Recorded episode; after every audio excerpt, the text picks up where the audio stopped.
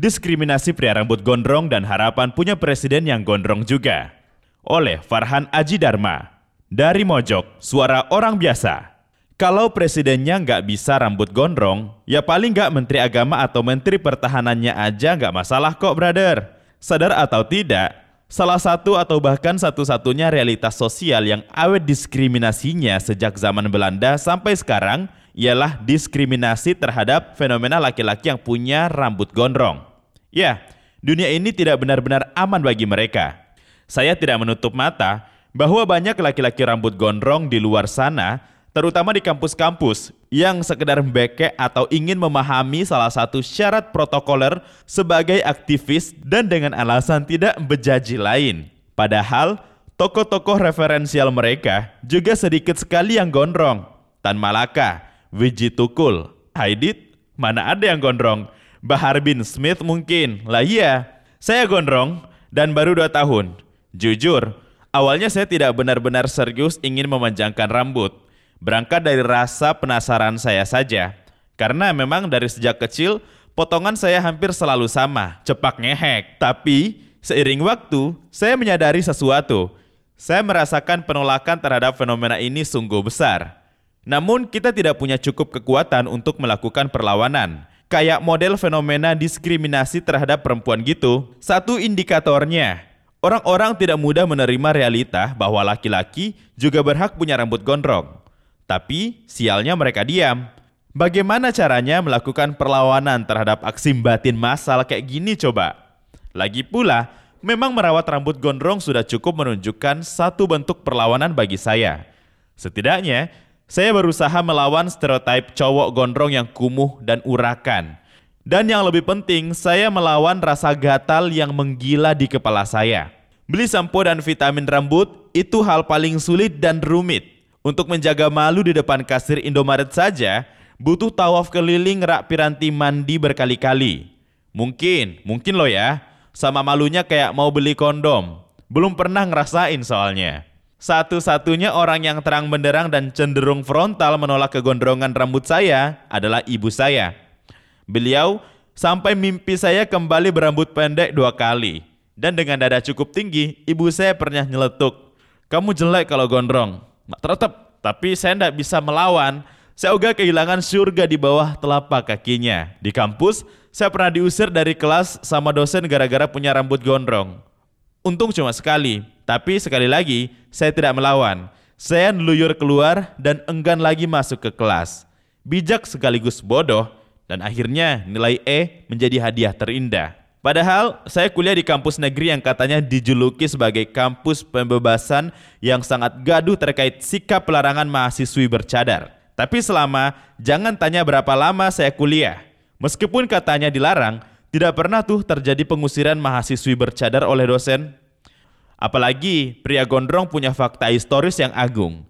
Kata Anthony Reid, rambut gondrong adalah simbol kekuatan dan kewibawaan orang zaman dulu.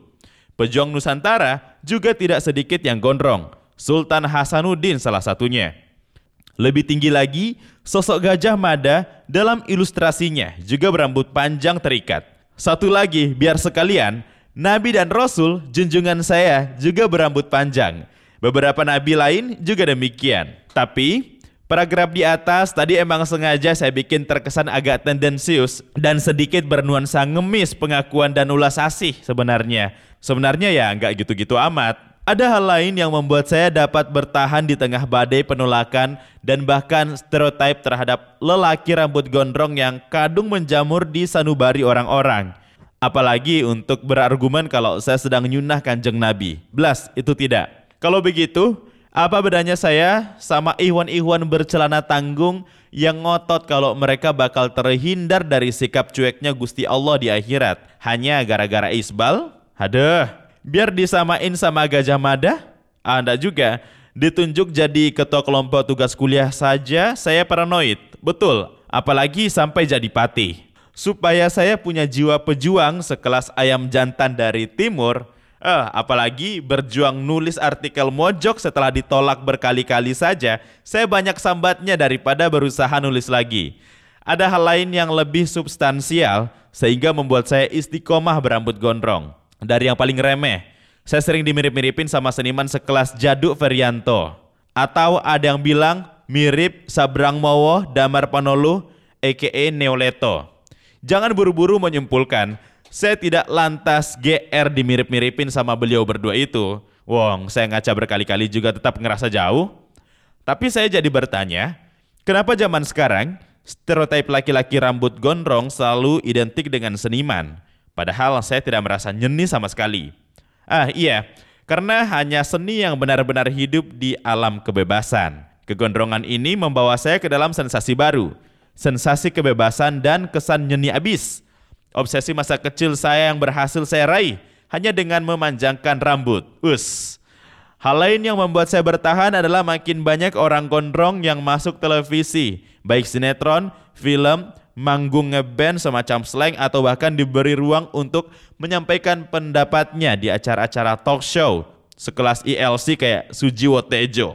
Artinya, pria gondrong dianggap sanggup mempertahankan rating atau pantas tampil di hadapan publik sebagai figur seperti orang kebanyakan. Meskipun dengan prasyarat tertentu, lagi-lagi karena mereka rata-rata seniman dan satu lagi mereka good looking. Dan ya, saya tidak.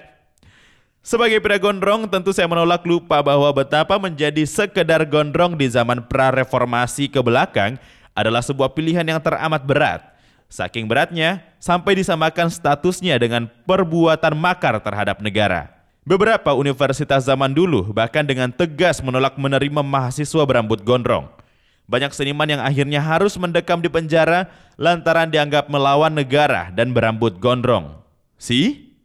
Maka saat ini, di tengah situasi saling tuding masing-masing kubu pendukung capres bahwa kalau junjungan lawan jadi presiden, maka dia akan mengembalikan Indonesia ke zaman hantu atau orba.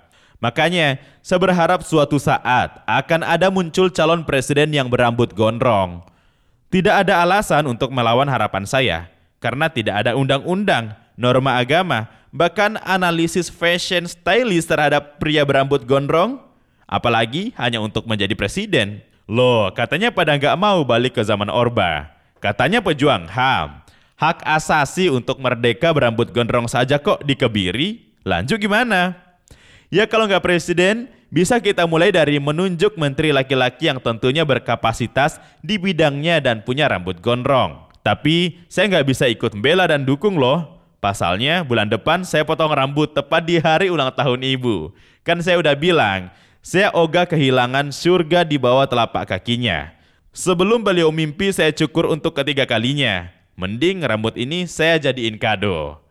Satu lagi, saya kapok diusir dari kelas. Meskipun detik akhir masa perkuliahan, saya ingin segera lulus. Setelah lulus, saya mau menikahi perempuan yang menerima kegondrongan saya sebelum saya gondrong kembali atau cukur rambut bulan depan. Dan sebelum dia baca artikel Mbak Aprilia Kumala, hiya hiya hiya.